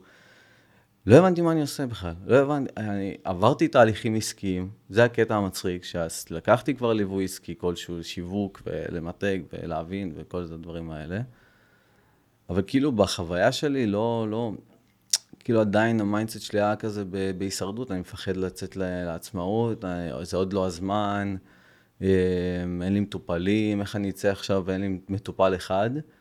ו- ו- ואיך אני כאילו אשלם עכשיו שכירות ויעשה עוד אלף ואחת דברים אחרים. ו- וזה היה לפני שנה. כאילו לפני שנה, אני פשוט כאילו עם מטופל אחד פה שם, ולא יודע מה אני אעשה בשלב הבא. ואני אני סתם מעלה פוסטים כאילו, את יודעת, כזה... לך פוסטים יחסית מאוד סבבה. לא, היה היה לי- צריך לדייק אותם. היה לי גם פוסטים סבבה ודייקתי אותם, אבל כאילו... to what end? כאילו לא היה לזה מטרה. סתם, Mm. סתם העליתי פוסטים, לא הבנתי מה אני עושה. פשוט העליתי פוסטים לפייסבוק, לזה, התחלתי לעלות טיק טוק. וואו. כאילו, ויש לי שם פתאום עשרות אלפי צפיות וזה, אבל כאילו גם, מה המטרה, כאילו? לא קורה מזה כלום. לא, לא קורה מזה כלום, לא הבנתי בשביל, לשם מה אני עושה את הדברים, פשוט אני עושה אותם. כי זה כזה אוטומט, וכולה, ואתה שומע מלא מלא, את יודעת, יועצים עסקיים, ומדברים על זה בפייסבוק וזה, בטיקטוק, פה, שם, תעשה ככה, תעשה ככה, תעשה ככה, ואתה כבר הולך כל כך לאיבוד, שאתה עושה ככה וככה וככה, פותח אלף ערוצים, ומה שקנה אותי אצלך זה שכאילו, ת- כאילו, תרגיע, כאילו, למה, כאילו, את כל הדברים האלה אתה עושה, אתה משקיע בזה כל כך הרבה אנרגיה, ובסוף כאילו לא יוצא מזה כלום. זה היה שנה אחורה. אני עדיין וואו, עובד מטורף. בתור שכיר, ו- ו- ולא רואה שום סיכוי לצאת מזה בזמן הקרוב. ואיפה אתה היום? קודם כל, הרבה יותר, כאילו, אני חושב ש... כאילו, הקטע הזה מצחיק שכשעזבתי את העבודה, עב- עזבתי עם מטופל אחד. היה לי מטופל אחד שגם שילם לי איזה 150 שקל, זה היה בתהליך סטאז' שעשיתי על הקורס החדש, כאילו, שיטת טיפול החדשה. ככה עזבתי את העבודה. ולא היה לי יותר מדי, כאילו, חסכונות או איזה... גם גרוע, הייתי עם כסף פיצוצים. כאילו, מינוס וכאלה. ו... ופשוט מה שעשיתי זה לקחתי הלוואה, גם כיסיתי את המינוס, ואני ידעתי שיש לי פיצויים מהעבודה די גדולים, כי עבדתי שם ארבע שנים. וידעתי שהדבר הזה, כאילו, אני אומר- אמרתי לעצמי, כאילו, אני שלושה חודשים עכשיו, כאילו, פשוט על זה. לא משנה, אני, אני עושה הכל כדי שזה יעבוד, כי זהו, אני, אין מצב שאני חוזר אחורה. אני בגיל 12 החלטתי שאני לא אהיה שכיר בחיים. כאילו, בגיל 12 כבר הייתה לי איזה כזה, זה מקרה שקרה ופשוט שינה אצלי את התפיסה. והבנת שזה לא יקרה. כן, וידעתי תמיד שאני לא אהיה שכיר, שאני אעשה משהו באופן עצמאי, אני לא אוהב שנותנים לי הרבה, את יודעת, אומרים לי מה לעשות כזה. מרות שהיא... מרות, כן, קשוחה, וגם היה לי מרות נוראית, כאילו, בכל מיני סיטואציות, אבל... אה, וכאילו עזבתי פשוט, ואמרתי, אין מצב, אני נותן הכל, אני עושה הכל. לא ידעתי מה אני עושה. כאילו, וואו. יום ראשון, שני, שלישי, עובר, כאילו, וזה, אני נמצא בבית, כאילו, מה אני עושה? כאילו, לוקח את הלפטופ, אני נשבע לך שהייתי, הקטע המצחיק שהיה לי לפטופ כבר שלוש שנים, הוא לא היה בשימוש. יואו. כאילו, אני אומר לאנשים, יש לי לפטופ, יושב, כן, יושב כזה, פותח אותו, סוגר אותו, לא, מה אני עושה בו? קניתי ו- לפטופ, והיה לי חלום, נשבע. לך שהיה לי חלום, לא, החלום שלי לא היה למלא את הקליניקה, ולא היה, כאילו, כל הדברים האלה זה אחלה. היה לי חלום להיות עסוק. וואו. היה לי פשוט חלום להיות, לעשות, לקום בבוקר, ויש לי מה לעשות. מרגיש שאתה בעשייה של התשוקה שלך. כן, גם בעשייה, בעשייה, נקודה, כאילו, שאני אשכרה קם בבוקר, ואני יודע מה יש לי לעשות. כשאני רואה את הלו"ז שלי עמוס, מצד אחד אני מתבכיין כי הוא עמוס, אבל היום אני בהכרת תודה, כאילו, שאין לי זמן לנשום. כל החודש וחצי האחרונים שעשיתי את הקורס, הדיגיטלי, כאילו, ולא היה לי, באמת, לא, הייתי רואה את אה, בזוג שלי בלילה, ואולי מוקדם בבוקר, כאילו, היה לי כל כך הרבה מה לעשות, התבאסתי על זה, אבל כאילו הייתי כל כך בהוקרת תודה, כי עד לפני שלושה חודשים, כאילו, הייתי קם בבוקר, ומה הלו"ז? אין לי מושג. מה קורה? כן. אה, מבחינת הכנסות, כאילו, אני פתאום מקבל פניות, פתאום אנשים מבינים מה מה אני עושה, כאילו, ולשם מה אני עושה את זה, וכאילו, מה... מה כאילו, התהליך. שהם יעברו? מה התהליך שהם יעברו, אני יודע להסביר אותו הרבה יותר טוב. אני גם לא מתבייש להגיד, כאילו, כשפעם נגיד הייתי אומר לבן אדם, אה, נגיד זה תהליך מסוים, קצר, אה, לא יודע מה, הוא יהיה סבבה, אה, תתפתח, לא יודע, כל מיני דברים כאלה. היום בטלפון בן אדם מתקשר אליי, קודם כל אני אומר לו, שומע, תהליך חרא, כאילו יהיה לך קשה רצח. אתה תצטרך לסבול כאילו בתוך הקליניקה, וממש ככה. אבל אין לי בעיה להגיד את זה, זאת אומרת, אני כי אתה יודע מה זה יגרום לו יודע, אחר כך. אני יודע כאילו ש... קודם כל אני יודע לפלח ככה את הבן אדם שמגיע אליי. אם זה בן אדם שכאילו קשה לו עם זה, או שהוא לא... זה, אז פשוט לא מתאים לתהליך שאני מעביר, וזה טוב לי. נכון. כי אתה רוצה אנשים שבאמת יעברו תהליך ומוכנים לעבוד על עצמם. כן. אם בן אדם אומר לי כאילו, אה, מה, אבל מה זה כאילו, אתה נוגע בדברים כאלה וכאלה, ולא זה, לא, לא מתאים לי, כאילו, או שזה מפחיד, או לא, כאילו, בסדר, אז כאילו זה לא זה.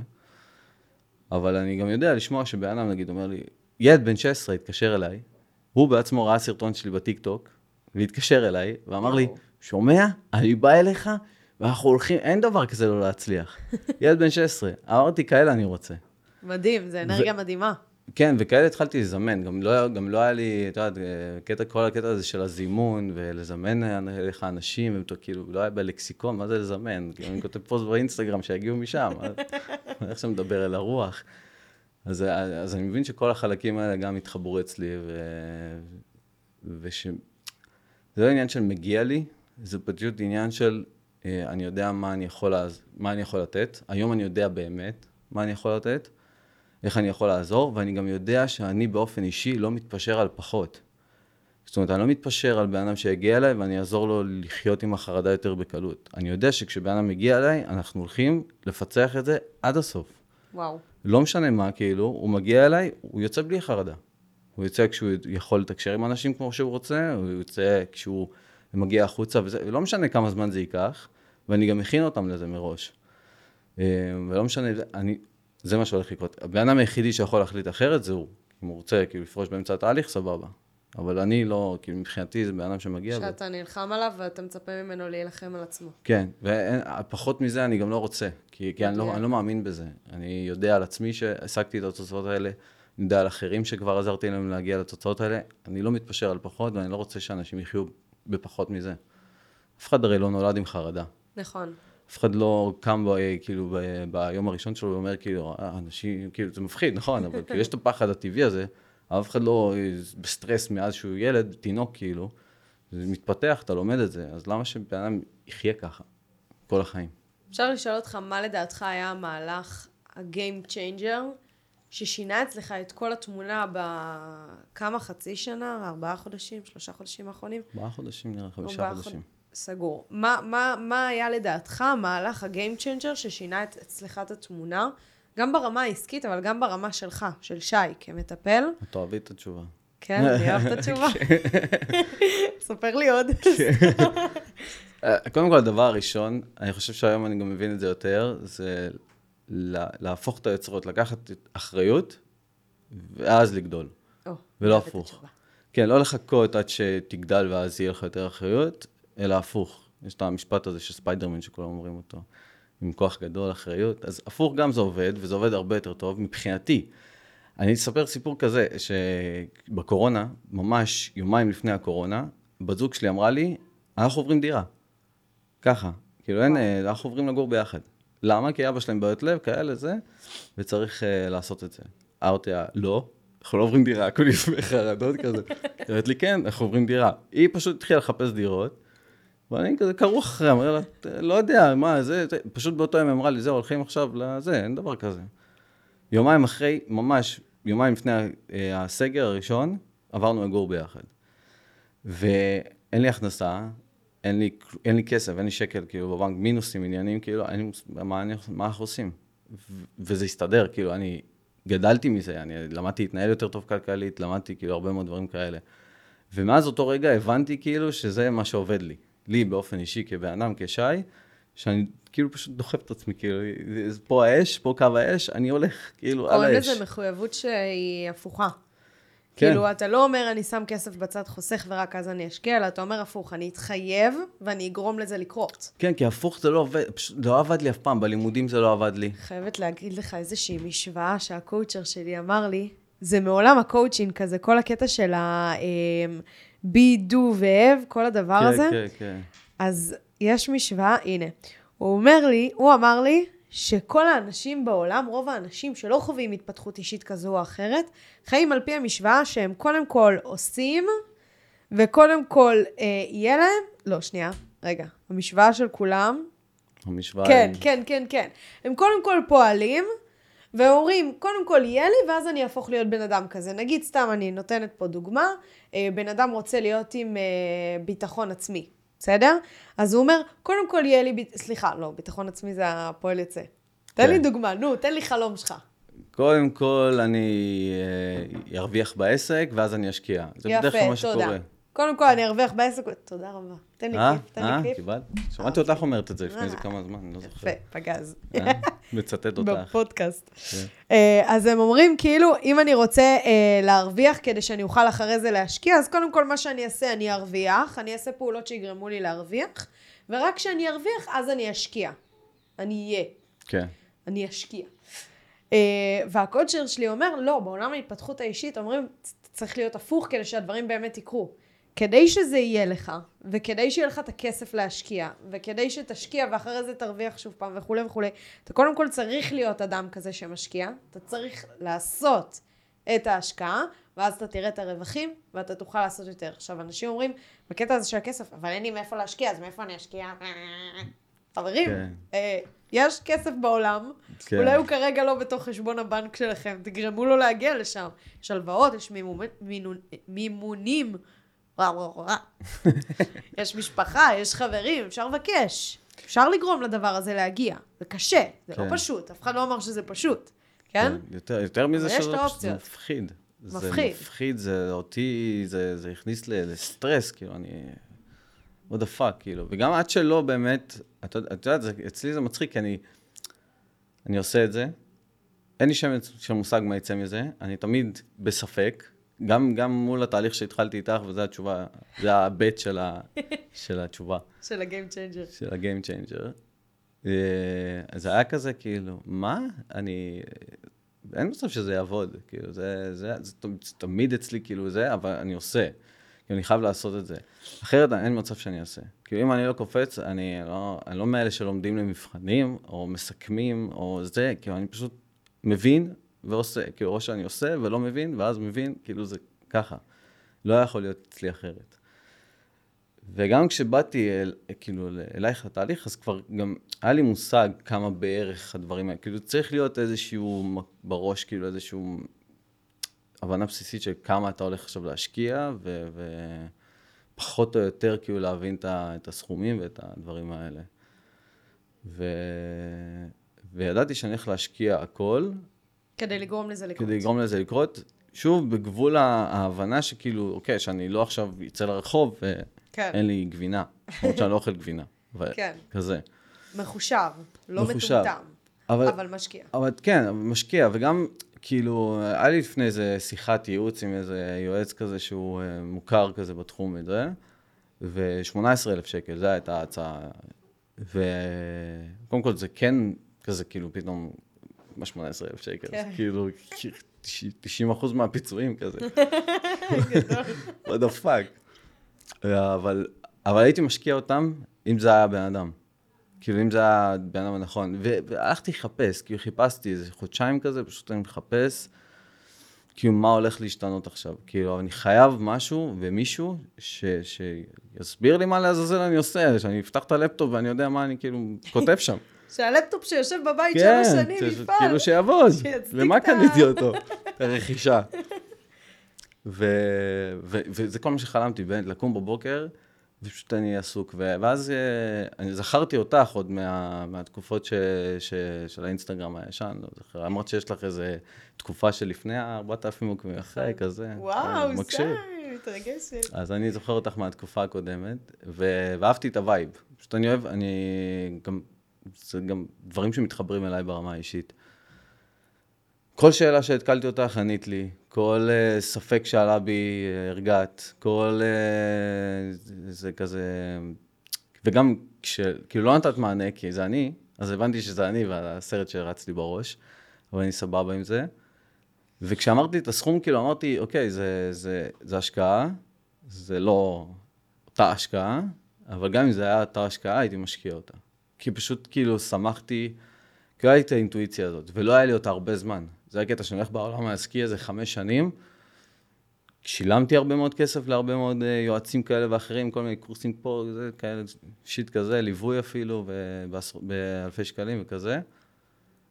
אבל, וזה מה שחידד לי, פשוט את האינטואיציה, כאילו, לדעת מה אני מחפש ואת מי. אני אבכה, אני כן. מסוגלת לבכות. תודה רבה. אבל מה שיותר, כאילו, מה שבאמת, אבל אה, כאילו, ממש סגר את זה, ואמרתי, כאילו, זה זה, זה כשאמרת לי, כאילו, אם אתה לא תעשה, זה לא יקרה. ו- ו- ואני, כן, ו- ואני חי בשלום עם זה, כאילו, פעם לא, פעם הייתי כאילו אומר, מה, שמשלם לו כזה כסף, ש- שיגרום לזה לקרות, מה, ש- שיתקתק לי את האינסטגרם. אני גם זוכרת את זה בהקשר למה שאמרת מקודם, שאמרתי לך, שי, אתה חותם על ההצלחה שלך? אמרת, אני לא יודע, אני לא יודע מה יהיה. אמרתי לך, עזוב אותך, שי, האם אתה חותם על זה שאתה תעשה הכל בשביל שזה יקרה? אמרת לי, כן. ואז אמרתי, אוקיי, אז עם זה אני מוכנה לעבוד. כן, כי אם אתה חותם על זה שאתה תעשה את כל מה שצריך בשביל שזה יקרה, ואני חותמת שאני יודעת מה הדברים שאתה צריך לעשות בשביל שזה יקרה, אז אני יודעת שזה יקרה. אז אני לא דואגת, אתה מבין? כן, אז, אז אני דאגתי. כאילו, זה זה הקטע, אני תמיד ב- ב- דאגה. דואג כזה, כן, כן. בדאגה כזאת, בספק כזה. זה גם- לגיטימי. גם הקורס הדיגיטלי, כאילו, אמרתי, כאילו, מה, קודם כל, אני לא אצלם באייפון, כאילו, זה, לא יעבוד, אין לי שם מקום. גם, כאילו, זה לא, איך אני אצלם את זה? היה לי מלא מחשבות כזה, איך זה יקרה, אה, מה אני אעשה, זה. אבל הקטע הוא שאני חושב טוב בזמן שאני, כאילו, אני נדחק לפינה. כן, כן. אני נדחק לפינה, אני כאילו, אוקיי, אני חייב... זה כמו המחשבות בפיפי, כאילו, שעולה לך כל מיני תיאוריות. דיברנו על זה לפני, זה המחשבות הכי. טובות. כן, כן, יש לך, כאילו, זה, זה מוציא ממך משהו שלא היה יוצא אחרת. כן. וזה מה שזה הוציא ממני, וזה שינה לי פשוט את העסק. זה, זה שינה, זה הרחיב אותי. מילא, כמה פרגון יש בבן אדם אחד, אני לא יכולה. אני טוב, לא- אני אגיד לך אבל אני משהו. כמעט ולא מפרגן, אבל זה, זה כאילו, זה, כשזה יוצא זה כבר סתם. זה עד הסוף, זה כן, כאילו לא. נפתח הסכר. כי פשוט אני לא מאמין להרבה. אני לא, אני מאוד סקפטי, כמו שאת שמת לב, ו- והסקפטיות הזאת הגיעה משנים של, אה, של כאב וקושי. וגם אני זוכר שדיברנו ואמרתי לך, כאילו, שמעי, אני מתכוון הפעם לעשות, אני, שאלת אותי למה זה לא עבד לך עד היום, ואמרתי לך, זה הרבה בגללי, כי אני פשוט לא הייתי מוכן שזה יעבוד, לא, בכל מיני סיבות. אה, ואז אז- שאלתי אותך למה עכשיו. כן, ולא תליתי, הפעם כאילו לא תליתי את כל התקווה שלי כאילו על הבן אדם שמלווה אותי עסקית, אבל כן האמנתי ש, שיהיו את ה... שיהיה את הליווי הנכון, פשוט את הבקאפ הנכון של הדבר הזה. ולמה הפעם לא תלית את הכל בצד השני? מה גרם לך לשנות את התפיסה? גם ההתפתחות שלי כמטפל, כי האנשים שמגיעים אליי אז הגיעו כי הם תלו את כל התקווה שלי, שלהם בי, ואז הבנתי שזה פחות עובד. ו... ואז היה לי רפרנס של כאילו אנשים שמגיעים ואומרים לי כאילו, כמו הילד בן 16 הזה, היו עוד כמה, שאומרים לי כאילו, אין דבר כזה, זה הולך לקרות, זה הולך... רבאק, אני אקרא את ה... גם אמרתי לה, נגיד, הוא ישב מולי פעם אחת ואמרתי לו, זה, זה לא יעבוד לך.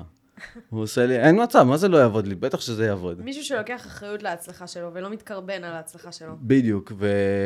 ואני מבין את הקורבנות ואת הבאסה ואת הקושי בלהיות בתוך הנקודה הזאת ואת ה... והכל. באמת שאני מבין הכל, אבל את... הייתה לי את ההפרדה פתאום, כאילו, של להבין את זה ולהז... או להזדהות עם זה. ואני לא מזדהה עם אנשים שמגיעים ו... ויש את המקום הקורבני הזה. אני מבין, אבל אני לא מזדהה עם זה, אני לא הופך את זה לשלי, זה לא שלי. אני לא, מבין את זה, מכיל את זה, אמפתי לזה, הכל, וזה מה שקיבלתי ממך. זאת אומרת, הכלת את זה, הבנת את זה, לא התקרבנת ביחד איתי. כי לא אמרת, זה הולך לקרות.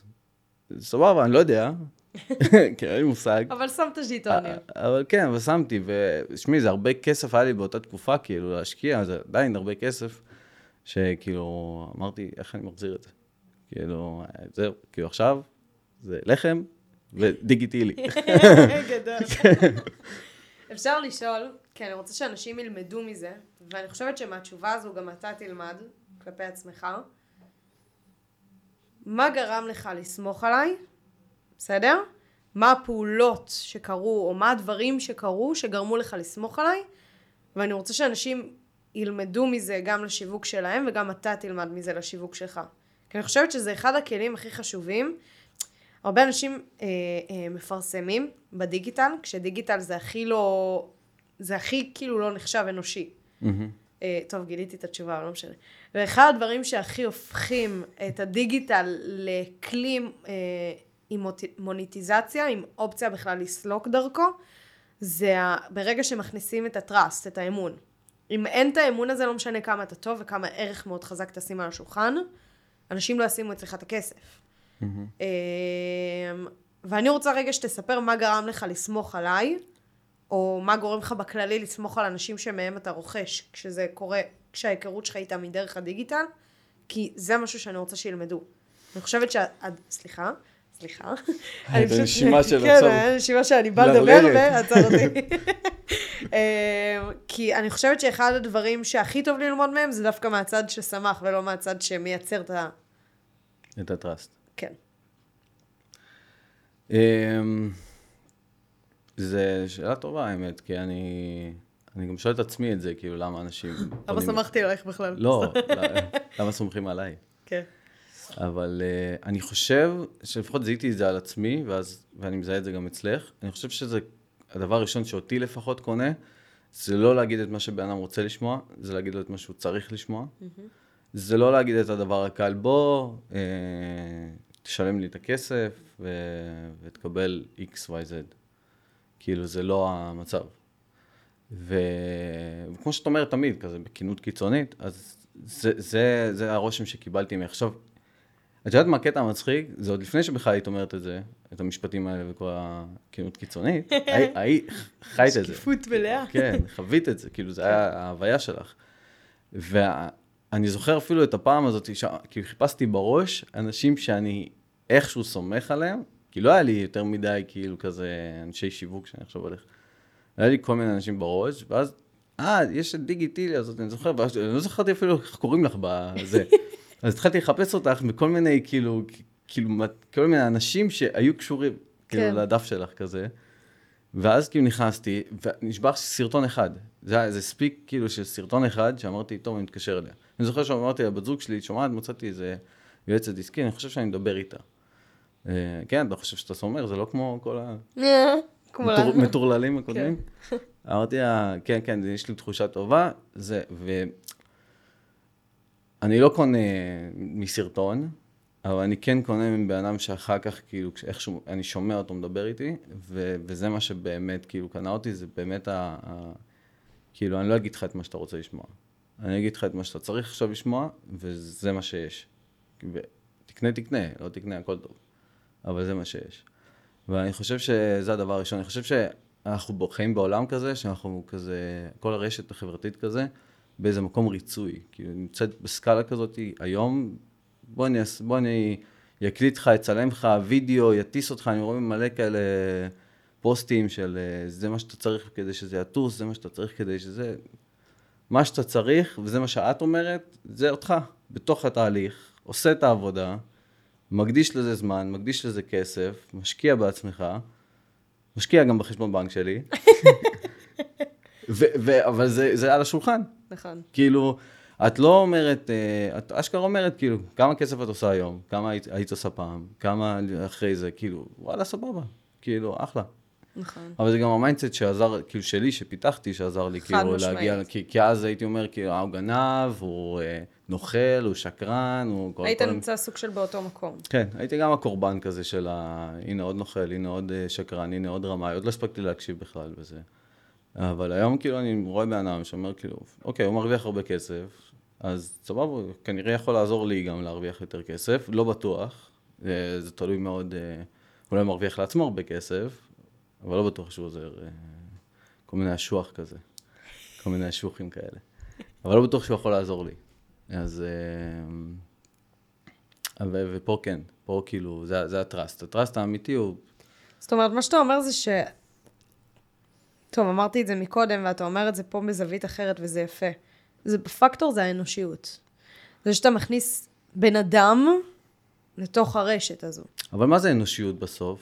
זה להיות זה, אתה. זה להיות, זה להיות אמיתי, זה להראות את הפגיעות, זה להראות את, ה, את, ה, את הכנות הקיצונית הזאת.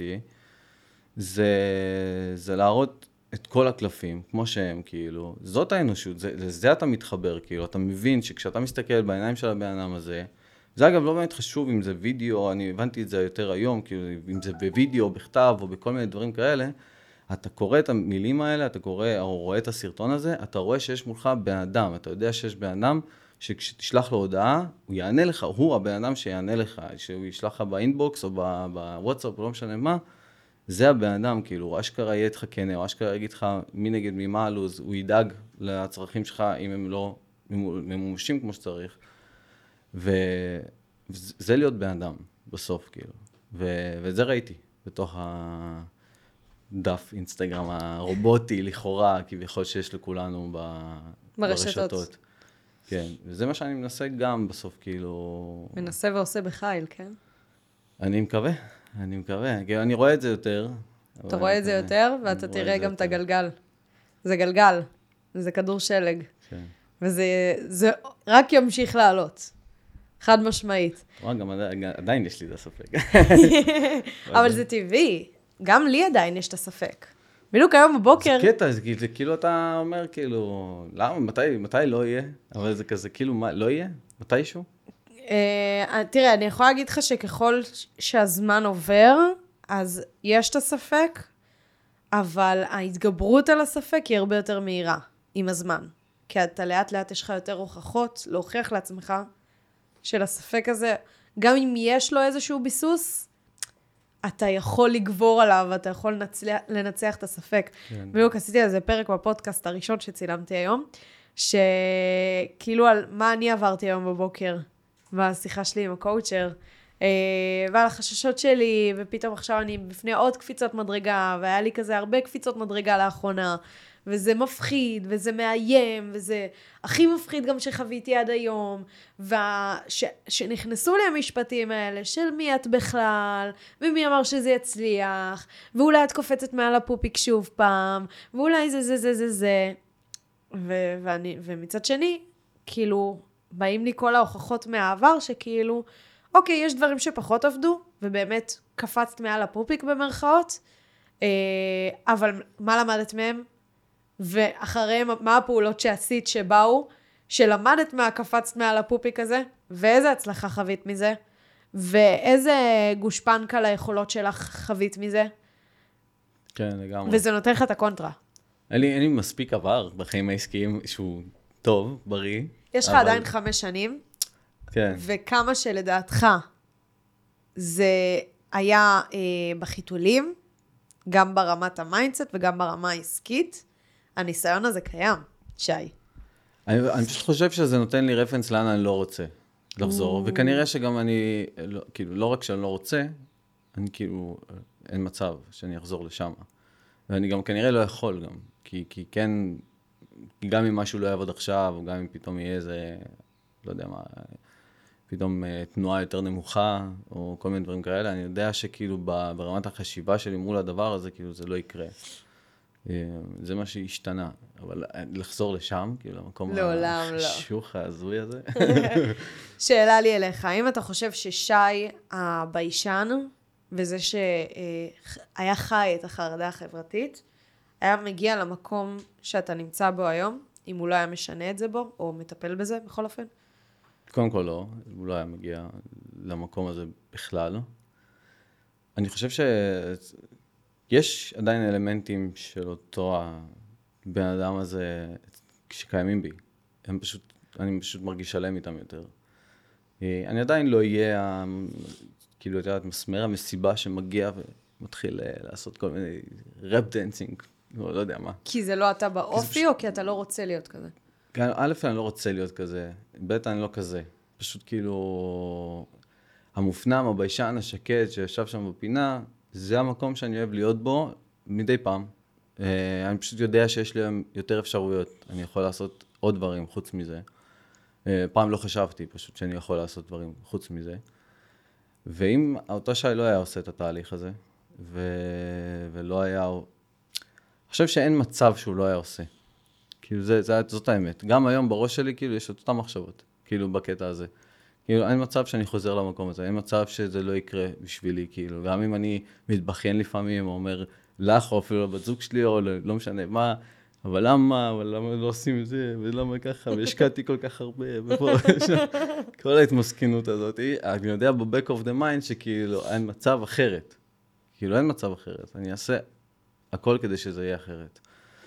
וזה מצחיק שתוך כדי שאני מדבר על זה, כאילו, איתך וזה, אני מבין יותר גם, כאילו, את האנשים שאני גם מזמן אליי לטיפולים, כי זה בערך אותו... אותו קונספט. כן, כי יש את הפחד שהוא טבעי וקיים, אבל יש גם את, ה... את, ה... את הרעב כזה, לא, לא להיות הילד של ההורים, או הסיטואציה הזאת, וגם להעריך מצד שני את כל הערכים שכן קיבלתי מזה. בא לי שתיתן פה איזשהו מסר מהמקום שלך, אה, לבעלי עסקים ובכלל, פשוט הקהל של הפודקאסט הזה זה בעיקר בעלי עסקים, אבל לבעלי עסקים ובכלל, אה, כאילו מהמקום שלך, על איך זה תרם לך לטפל במקום הזה, אה, ומה חשוב לך כזה, מסר שחשוב לך להעביר להם, משהו שבא לך להגיד להם ש... תתעוררו על עצמכם. יש לך פרק כזה בפודקאסט, נכון. תתעוררו על עצמכם. נכון, כן, פרק שש נראה לי. כן, נתן לי גם שתי סטירות. חשוב. כן. אמ, וואי. קודם כל, כן. מתקילה. כן, מתקילה תהילה. אמ, כאילו, לא, לא חשבתי שאני אשב בנקודה שבה אני אתן איזשהו טיפ לבעלי עסקים. אה, אז אני, אני עדיין שומר על ה... כאילו, אני לא מרגיש עדיין במקום ש... ש... אני אומרת לך, אתה חד משמעית שם. כן. אתה עוד צריך לצמוח לזה פשוט מנטלית ולהכיל את זה, אבל אתה שם. יכול להיות. Um, אני כן אגיד את זה כבן אדם. Um, כי אני חושב שבסוף זה מה שאנחנו. נכון. בני אדם, בעלי עסקים, אנשים כללית, רוקחים, עובדים בסופר פארם. אנחנו בני אדם. um, ואני חושב שכשאנחנו עובדים על עצמנו כבני אדם, כ- כמגדילים את עצמנו במקומות שקשים לנו, שמאתגרים אותנו, וזה לא חייב להיות אה, בכוונה כאילו ב- בהקשר עסקי. זאת אומרת, אה, הרבה מאוד מהגדילה שעשיתי לא הייתה קשורה בהכרח באופן ישיר לקטע העסקי. עברתי לגור עם הבת זוג שלי, זו הייתה גדילה שלי כבן אדם. אה, עזבתי את העבודה עם מטופל אחד של 150 שקל, זו הייתה גדילה שלי כבן אדם. לקחתי את הליווי העסקי שלך, גם, זה היה אולי אמנם קפיצה עסקית, אבל זה היה יותר כאילו החלטה שלי כבן אדם לגדול. ואנחנו גדלים כשאנחנו מקבלים החלטות, כשאנחנו לוקחים על עצמנו יותר אחריות, וכשאנחנו עושים את זה, אנחנו פשוט עם הדבר הזה גדלים יותר. אז אני חושב שזה להתחיל לקחת יותר אחריות, פשוט. זה באמת לקחת אחריות על החיים שלך אה, בצורה כזו או אחרת, בין אם זה בהחלטות קטנות יומיומיות, ובין אם זה החלטות עסקיות אה, כאלה ואחרות, בין אם זה לשלם לבעל מקצוע, כסף מסוים שיעזור לך להגיע למקום, לנקודה מסוימת, ושאתה, שוב, אפשר לשלם בקלות, כן? זה כמו לקנות ספר ולקרוא אותו, ולא להבין כלום ממנו, כאילו, ולא ליישם שום דבר. נכון. אז אפשר לשלם מבעל עסק, כאילו, המון כסף, גם את זה. אני שומע הרבה מאוד פעמים שיש הרבה בעלי עסקים בשיו... את יודעת, באינסטגרם כאלה אומרים, שככל שתשקיע יותר כסף, ככה גם תקבל יותר כסף וככה תגדל יותר. אבל אני לא, אני לא חושב שהמשוואה הזאת היא מדויקת. אני חושב שכשאתה משקיע, אני יכול להשקיע עשרות, מאות אלפי שקלים, ופשוט להיכנס לחובות. נכון. זהו, כאילו זה לא רק הכסף, כי זה בדיוק המקום הזה, הנקודה הזאת, הדקות הזאת של עם הכסף, לקחת את האחריות עכשיו על הכסף ששילמת. כאילו, אני שילמתי עכשיו כסף, אני יושב, אני באימה עכשיו, כאילו, אני עולה לך על הגב, ואני הולך איתך, כאילו, עד שאני זה מגיע... קורה, את כן. שומעת אותי? כן, זה קורה, זה אין מצב אחרת, כאילו, אז, אז זה לא לשלם לך כסף ולהגיד, יאללה. זה do it." ממש מתחבר כן, זה לי. כמו שאנשים מגיעים אליי לקליניקה, וכאילו, יושבים, תקן אותי. תקן כאילו, אותי. מה זה תקן אותי? מתקן בלונה פארק, כאילו, כן. זה לא... זה אני עולה ביחד איתך על הדבר הזה ועושה את זה, ואני חושב שזה אותו דבר הפוך. אז זה לקחת את האחריות הזאתי, ולא לצפות שאם תשלמו כסף, אז כאילו, דברים יקרו. כי שילמתי המון כסף ודברים לא קרו. זה, תמיד אני אומרת, אנחנו לא משקיעים כסף, אנחנו משקיעים זמן, כסף ואנרגיה. ואם לא נשקיע את שלושתם, בהכרח לא נשיג את התוצאות שאנחנו רוצים. חד משמעית. אה, שי, וואו, תשמע, קודם כל אתה מטורף. דיברתי מלא. כולם פה מדברים עליה, נשמה. כן, לא, אבל אני רגיל קודם כל להיות זה שמראיין בפודקאסט שלי, אז אני סותם את הפה הרבה. עכשיו אתה מתארח. תספר רגע. מה, מה הפודקאסט שלך? פודקאסט על חרדה חברתית. אה, כן, עם הזמן אני מתלבט אם הוא באמת בדיוק על חרדה חברתית, או, אבל... אני אוהבת אה, שזה תופס זווית. כן, זה תופס זווית אחרת, כי, כי זה יותר מדבר על התפתחות כמו שאנחנו כבני אדם, ובסוף כאילו חרדה חברתית היא נגזרת של ההתפתחות כן. שלנו במקומות שאנחנו נמצאים בהם. אבל, אבל הפודקאסט שלי, כאילו, הספציפית השם שלו, הוא זה מה שאני פשוט, כמו שדיברנו על לפני זה, מחשבות בפיפי, אז כן. חשבתי עליו כשהיא ממש בפיפי, כאילו, אז עשיתי פיפי ואמרתי איך אני אקרא לפודקאסט שלי. ורץ לי בראש כזה בשנייה אחת כזה כל החוויית חיים. והחוויית חיים שלי העיקרית הייתה סוף הכיתה. כאילו הילד שיושב בסוף הכיתה פיזית, רגשית, נפשית, מנטלית, בכל צורה אפשרית, שלא מבטא את הקול שלו החוצה, שיושב בצד, לא מדבר, לא עושה כלום, לא, לא עושה למען עצמו, לא לוקח אחריות. ו... והפודקאסט קוראים מסוף הכיתה לקדמת הבמה, שמבחינתי, שוב, זה לא לעמוד על במות אלפי איש, זה פשוט כאילו לקחת ולהיות נוכח בחיים שלך. מה אשכרה לקחת אחריות ולהיות אתה, להיות עצמך. כל מה שזה אומר, אצל כל אחד זה אומר אחרת. ואיפה אפשר למצוא את הפודקאסט הזה? כרגע בספוטיפיי, עוד לא הפצתי אותו בעוד טירוף, מקומות. טירוף. אז חברים, בספוטיפיי, מסוף הכיתה על קדמת הבמה, שי דורפמן, תודה ענקית, נתת פה ערך, אה, פרגנת, שזה לא מובן מאליו בכלל, והרמת בענק. יש לך משהו אחרון לומר? לא, תודה, ו- ואת שואלת שאלות אה, חודרניות. טובות. כן, חודרניות, לא, אבל זה, זה, זה אש, כאילו... יצא ממני הרבה דברים שלא יצאו קודם. איזה כיף. יאללה, חברים, יום מלא בשפע, ניפגש. אז זהו חברים, תודה רבה שהאזנתם לפרק שלי. אם יש לכם שאלות או כל דבר, ובכללי אתם רוצים להעיף את העסק שלכם למעלה וללמוד עוד ועוד על עולם העסקים הצומח ועולם השיווק הדיגיטלי, אתם מוזמנים לעקוב אחריי באינסטגרם, קוראים לי שם דיגיטילי בתף ועם רווח, בסדר? תמצאו אותי, אל תדאגו. ממש על ההתחלה.